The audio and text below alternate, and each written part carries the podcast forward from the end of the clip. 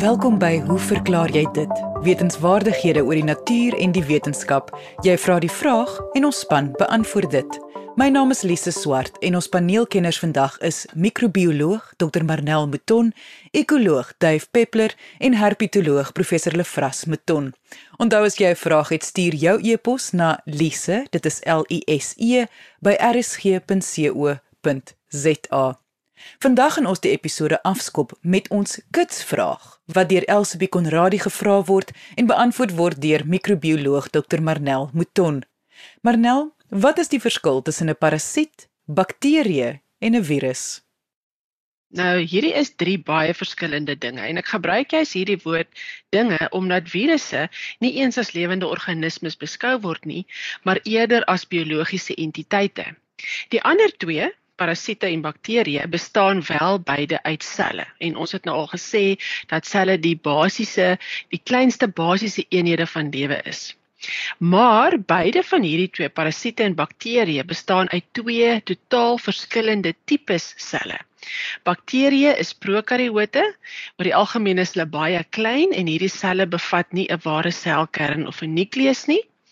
Parasiete daarenteen is eukariote. So eukariote se selle is gewoonlik groter en hulle bevat 'n ware selkern en daar is die genetiese materiaal omhul deur 'n kernmembraan. So dis net in baie kort die verskil tussen dit. Maar 'n parasiet as ons nou praat van die term parasiet, dit is eintlik 'n baie wye term. En parasitisme is 'n tipe interaksie tussen twee spesies, waar tydens die een spesies, die parasiet nou, die ander spesies, die gasheer, gebruik in 'n manier wat skadelik is vir die gasheer. En hierdie is dikwels 'n um, 'n langtermyn noue assosiasie tussen hierdie gasheer en die parasitiese organisme ek het nou gesê 'n para, parasiet is 'n baie wye term, maar dit sluit eintlik 'n baie wye reeks organismes in. Dit sluit eensellige protozoë in, soos byvoorbeeld die wat malaria veroorsaak, dis nou Plasmodium spesies, ander wat iets so slaapsiekte veroorsaak, dis Trypanosoma spesies, ander wat amebiese ehm, disenterie veroorsaak, Dan is daar ook ongewervelde diere wat parasities kan wees soos ons ken almal lintwurms en hakwurms, maar ook ektoparasiete soos bosluise, luise en muskiete. En dan is daar ook gewervelde diere wat parasities kan wees soos vampiervleermuise en visse soos lampreys en dan is sekere swamspesies ook parasities en dan ook sekere plante soos byvoorbeeld dodder. Nou 'n parasiet voed op ander lewende organismes en veroorsaak skade aan die gasheer deur dan nou gewoonlik die voedingsstowwe te te verbruik. En omdat parasiete interaksies met ander spesies het, is hulle ook bekend daarvoor om vektore te wees vir patogeniese organismes. En dit is nou natuurlik organismes wat siektes veroorsaak. En hier kan ons byvoorbeeld die voorbeeld gebruik van 'n muskiet wat die malaria parasiet oordra of bosluise wat bakterieë oordra om bosluisbytkoors te veroorsaak en daar is nog vele meer voorbeelde hiervan. Nou bakterieë soos wat ek gesê het is prokaryote. Met ander woorde organismes wat nie 'n ware selkern bevat nie en hier lê die genetiese materiaal basies ehm um, naak of onbeskerm binne die sitoplasma van die sel. Nou bakterieë is prokaryote. En hierdie is natuurlik organismes wat nie 'n ware selkern bevat nie. Met ander woorde, hier lê die genetiese materiaal onbeskerm of um, hulle is nie omhul deur 'n membraan nie. Die woord prokaryoot beteken letterlik voor kern. So dis selle wat nie 'n kern bevat nie. Dit sluit bakterieë en ook argaïe in en hulle is fisies die kleinste organismes op aarde. Min van hierdie spesies is meer as 1 tot 2 mikrometer lank en daar kan duisende of selfs miljoene van hulle op 'n baie klein oppervlak pas soos byvoorbeeld op die punt van 'n skerp potlood. Maar ten spyte daarvan dat hulle so klein is, is daar ongelooflik baie van hulle op aarde. En hulle totale kollektiewe massa of biomassa op aarde is groter as die van al die plante op ons planeet. So dit gee net vir jou so 'n idee want hulle kom letterlik in elke liewe nis op aarde voor. Ons het ook verlede week of of van, van tevore gepraat oor mikrobiome en ons het gepraat oor die verskillende tipes bakterieë wat op die verskillende dele van jou liggaam voorkom. En dit is interessant om te weet dat op 'n menslike liggaam of binne 'n menslike liggaam is daar tot 3 keer meer bakteriese selle as menslike selle. En die meerderheid van hulle is totaal onskadelik of selfs voordelig vir jou gesondheid. So almal veroorsaak nie siektes nie. Nou virusse, het ek nou nog gesê, is biologiese entiteite en dis omdat hulle struktureel totaal verskillend is van ander organismes. Hulle bestaan glad nie uit selle nie. En dan natuurlik soos wat ons weet infekteer hulle die selle van ander lewende organismes van enige iets soos 'n bakteriesel, 'n amoeba, protozoë, fungi, plante en natuurlik ook dierselle. En hulle het gewoonlik 'n negatiewe effek op hierdie gasheerselle. Verder is hulle ook ongelooflik volop op ons planeet. En ons weet ook dat hulle net kan reproduseer binne 'n gasheersel en hierdie virusse moet gewoonlik hulle genetiese materiaal invoeg in die gasheer se genoom om te reproduseer. Ons weet dat bakterieë baie klein is, maar virusse is nog veel kleiner as bakterieë. As ons 'n gemiddelde virus vergelyk met 'n eukariotiese sel, soos 'n menssel, dan is 'n menssel ongeveer 10000 keer groter as 'n virus. Met ander woorde, omtrent die grootte van 'n koffieboon teenoor 'n sfeer met 'n deursnit van ongeveer 100 meter. So dis baie baie groot um, die verskil in hulle grootte. So ter opsomming. Virusse, bakterieë en parasiete is drie heeltemal verskillende dinge. Virusse word nie eens as organismes beskou nie, eerder as biologiese entiteite. En die ander twee, parasiete en bakterieë, bestaan uit heeltemal verskillende tipe selle: eukariotiese selle en prokariotiese selle. Dit was microbioloog Dr Marnel Mouton. Indien jy vrae het, stuur jou e-pos na lise@rsg.co.za. Nou wil Thomas van Windhoek weet van volstruiseiers en herpetoloog professor Lefras Mouton gaan daarmee help. Thomas skryf: Iewers in die 1960s het my pa twee volstruiseiers ooglopend baie oud in die suidelike deel van die Namib-woestyn opgetel. Een het behoue gebly en een is uit nuuskierigheid versigtig oopgemaak deur 'n gaatjie in die dop te boor. Dit is gedoen omdat dit aanvaar was dat daar sand binne die eierdoppe is. Dit was toe ook so dat suiwer, skoon, fyn sand uit die eierdop geloop het. As ek reg onthou, was dit min of meer 2 teekoppies vol. Ek het onlangs die eier wat behoue gebly het geërf. Die eierdop lyk oud met 'n donkerder kleur as normaal en meeste van die poree is groot en diep, maar almal is dig toe, soos op die aangehegte fotos gesien kan word. My vraag is: Is dit 'n volstruis eier? Is dit moontlik dat daar so baie sand binne 'n geseelde eierdop kan wees? Ons het groot geword met my pa se teorie dat die wind en sand die poree oop verweer het. Die sand het dan ingewaai is en dat die dop se gaatjies weer toe versteen het. En indien jy graag die foto's wil sien waarna Thomas verwys, kan jy gaan kyk op RSG se webwerf by rsg.co.za. Nou Lefras, kom ons begin met Thomas se eerste vraag. Is dit 'n volstruiseier? Lise, dit is beslis 'n volstruiseier in in absolute terme is dit mos nou die wêreld se grootste voëleier. En dis natuurlik ons praat nou van lewende voëls. Relatief tot liggaamsmassa is die volstruiseier egter maar redelik klein met 'n massa van so 1 tot 2% van die wyfie se massa. Die voël wat die grootste eier lê relatief tot liggaamsmassa is die Noord-eiland bruin kiwi, Apteryx mantelli en hierdie voël se eier weeg tot 20% van die wyfie se massa. Die kleinste voëleiertjie is die van die kolibri van Jamaica wat maar so 0.4 gram weeg.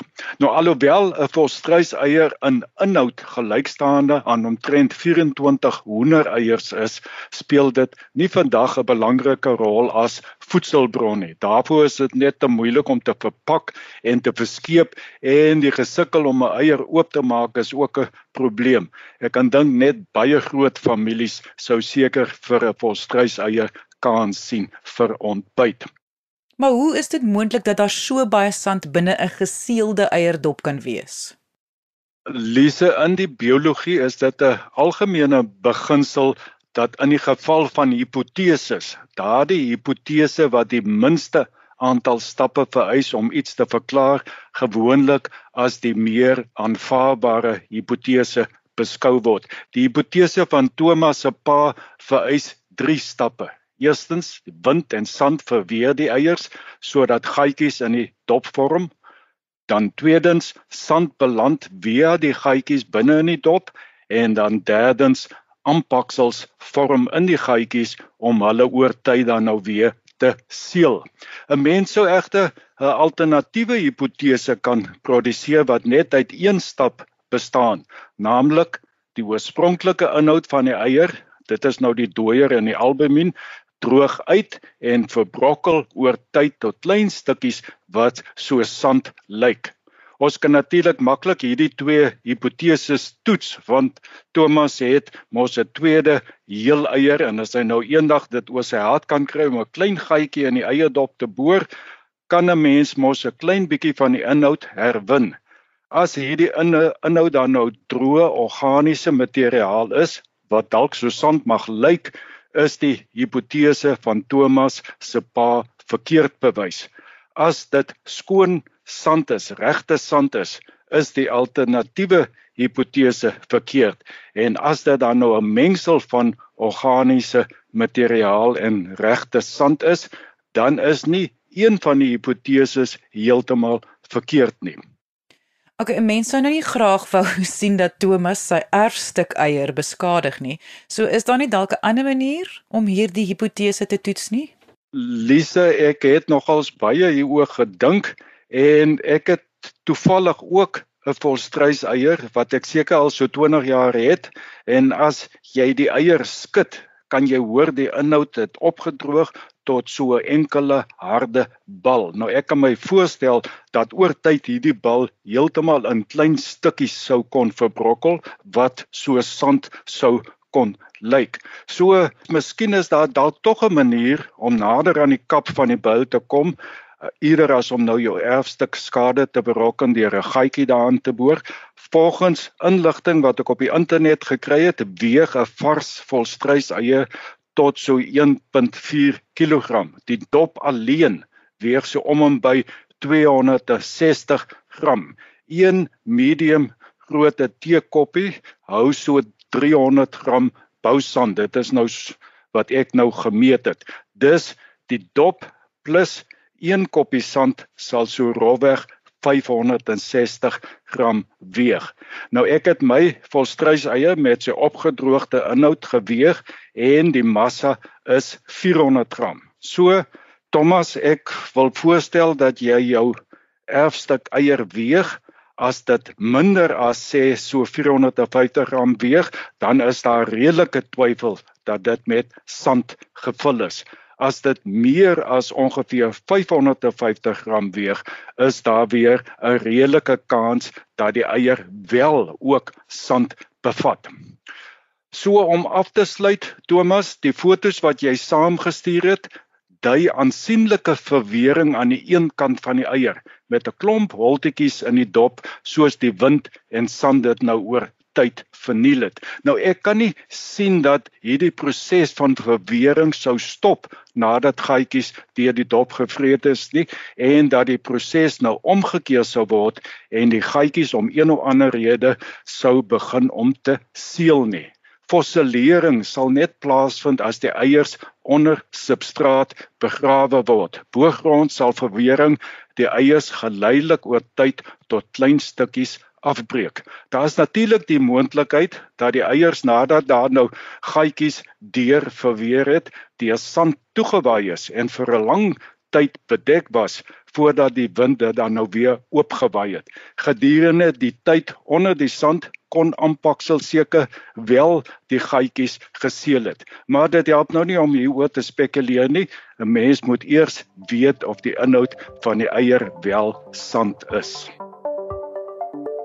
En dit was herpetoloog professor Lefras Mouton. Indien jy 'n vraag het, stuur jou e-pos na lise@rsg.co.za. Kom ons beweeg aan na die volgende vraag van die dag wat gevra word deur Johan Ferreira en beantwoord word deur ekoloog Dave Peppler. Johan skryf: My voelgids verwys na lede van die koekoek familie, soos byvoorbeeld Piet my vrou en die diederikkie, as beide somerstandvoëls voels wat vir die somer hierheen kom en hier kom broei. En as broeiparasiete. voels wat hul eiers in ander voëls se neste lê en nie self hulle kroos versorg nie. My vraag is, sodanige voëls vertrek aan die einde van die somer na 'n ander somerstreek. Lê hulle in die nuwe streek ook eiers in die ander voëls se neste? Kry hulle dus 'n tweede broeiseisoen in 1 jaar? Dave Nou, kom ons begin by die definisie van 'n broed of 'n broeiselparasiet. Dit is 'n organisme wat op 'n ander staat maak om hulle kleintjies groot te maak.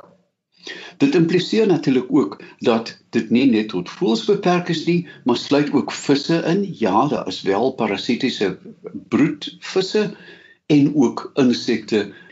Nou wat is die tegnieke wat hierdie organismes, kom ons bly eers in Hebreë, uh gebruik uh om suksesvol te wees? Hulle manipuleer die gasheer. Die grootste en mees effektiewe tegniek wat die parasiete ontwikkel het, is om die eier van die gasheer na te boots en by voëls het dit byna tot perfeksie gedryf. Met ander woorde, die koekoek of die parasitêre voël ontwikkel evolusionêr 'n eier wat presies soos die van die gasheer lyk nie noodwendig in grootte nie. Ons weet van ander studies dat jy kan diere super stimuleer. Met ander woorde, as jy 'n broeiskepokkie vat en jy gee vir die stomme ding 'n volstruiseier, gaan sy heel moontlik daarop probeer sit, want dit is die vorm en die kleur wat haar stimuleer en nie noodwendig die grootte nie. Dit is 'n regtig baie vreemd. Nou, wat is die voordele van hierdie van hierdie taktik? Jy het geen verantwoordelikheid nie. Al wat jy kan doen, jy kan meer vreet en meer fornikeer. Maar dit plaas eintlik ook 'n evolusionêre druk op jou om fiks te bly om sodoende nog meer neste te parasiteer. Jy luister na Hoe verklaar jy dit op RSG 100 tot 104 FM. Voelparasiete, die koekoeke byvoorbeeld, verlaag die risiko van verwerping van die eier deur by nie net een teiken gasheer eiers te lê nie, maar 4 of 5 en selfs meer. Baie van die koekoeke spesialiseer en ons weet dat die Piet my vrou lief is vir die uh uh olyfluister en vir ons lewerukke. As gevolg van hierdie gasheerverliese ontwikkel evolusionêre oorlogvoering. Met ander woorde, 'n organisme die parasiet parasiteer die gasheer. Die gasheer kom dit agter en ontwikkel um skanse teen die parasiet. En so uh, dink die parasiet o, jene die gasheer het nou verander, nou moet ek verander.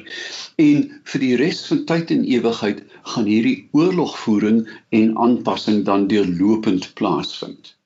Sommige gasheere ontwikkel 'n baie fyn sigvermoë en selfs al is die eier nageboots, kan hulle dit agterkom en rol dit dan uit die nes of pik dit stukkend. Wat doen die wat doen die parasiet? Hulle maak hulle eierdoppe aansienlik dikker as die van die gasheer. Met ander woorde, sou die wyfie probeer die eier stukkend pik, gaan sy heel moontlik begin om haar eie eier stukkend te pik. Selfs by monogame voëls, met ander woorde voëls wat 'n permanente binding het met tussen mannetjie en wyfie, loop mannetjies nog rond en verneek. Nou ja, in die diereryk gebeur dit nie net uh, met voëls en visse en insekte nie, maar selfs dit speel dit uit by die primate en natuurlik ook by die mens. Meeste van die van die uh, voëlparasiete begin dan spesialiseer in 'n teikenspesie of 'n teikengroep. Dit is interessant dat die geen, met ander woorde die genetiese boodskap vir hierdie aanpassing by die eie lê gewoonlik uitsluitlik by die wyfie parasiet voel. Dis hulle wat die geen dra en ook hulle wat die geen dan aanpas, nie noodwendig met 'n genetiese bydrae van die mannetjie nie. Nog 'n interessante punt is dat wyfies wat uitgebroei het in die nes van sê nou maar 'n kanarie sal geneig wees om in haar lewenstyd toe te spits op die gasheer waar sy uitgebroei is. Met ander woorde, daar is ook 'n genetiese kodering by die wyfie om aan te hou spesialiseer op 'n baie spesifieke teikenspesie. Hulle het 'n korter inkubasie. Met ander woorde, die parasiet broei uit voordat die ander uitbroei. Wat gebeur dan? Hy rol of die eiers uit die nes uit of hy pik hulle stukkend. En daar is duidelik uh, tekens dat die wyfie van die parasiet die eier terughou vir la, vir verdere ontwikkeling in haar eie liggaam voor sy dit lê om hierdie spesifieke parasiet eier dan 'n voordeel te gee in terme van inkubasie. Hoe reageer die gasheer of die vrou? Hulle probeer hulle neste op ontoeganklike plekke maak want hulle weet daar is parasitêre druk. Hulle begin baie vroeg inkubeer met ander woorde, uh, spesies wat 'n aantal eiers lê, 4 of 5, begin inkubeer al by eier 2 sodat die wyfie moet bly sit en dan weet wanneer die parasiet inkom. Nou ek het al baie gekyk saam met 'n uh, vriende wat studies gedoen het. 'n Klein voeltjie sit op die nes en op een of ander tyd moet sy gaan voer.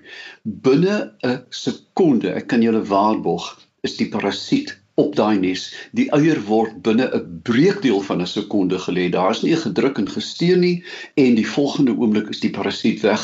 Juffrou of mevrou altans kom terug na haar nes en weet nie eers dat die eier gelê is nie. Die ehm um, gasheere is ook bewus van die parasiete en dan probeer hulle hulle territorium, hulle tuisgebied beskerm deur die parasiete te verjaag.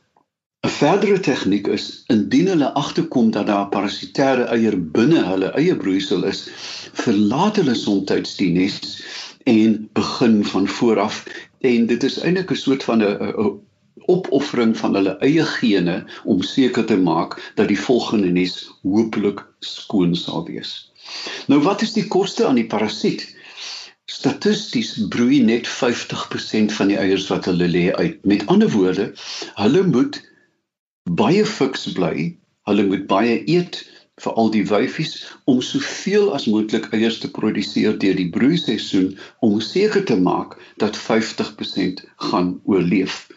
Dit beteken natuurlik baie fyn tydsberekening want hulle weet ook dat die gasheere mag die eiers uitskop en daarom moet hulle oorproduseer.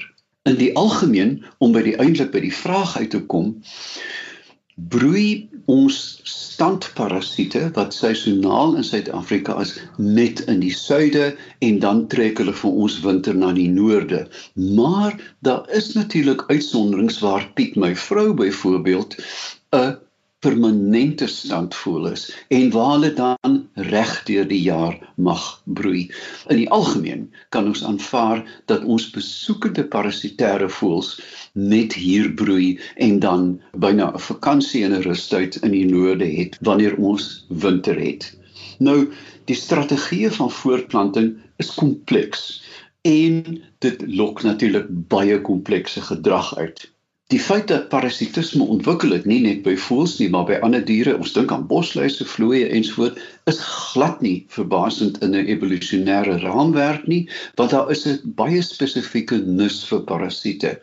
Die parasiet se grootste bekommernis natuurlik is om nie sy gasheer dood te maak nie, want dan natuurlik loop sy eie genetiese materiaal dood. Hulle is in die ware sin van die woord parasiete en probeer die gasheer so lank as moontlik aan die gang hou. Die sendeling Albert Schweitzer het altyd gesê chance favors the prepared spirit. En toeval bevoordeel natuurlik ook die parasiet want hulle moet altyd gereed wees om hierdie heimelike kansse waar te neem. Die natuur is nie altyd die paradys nie.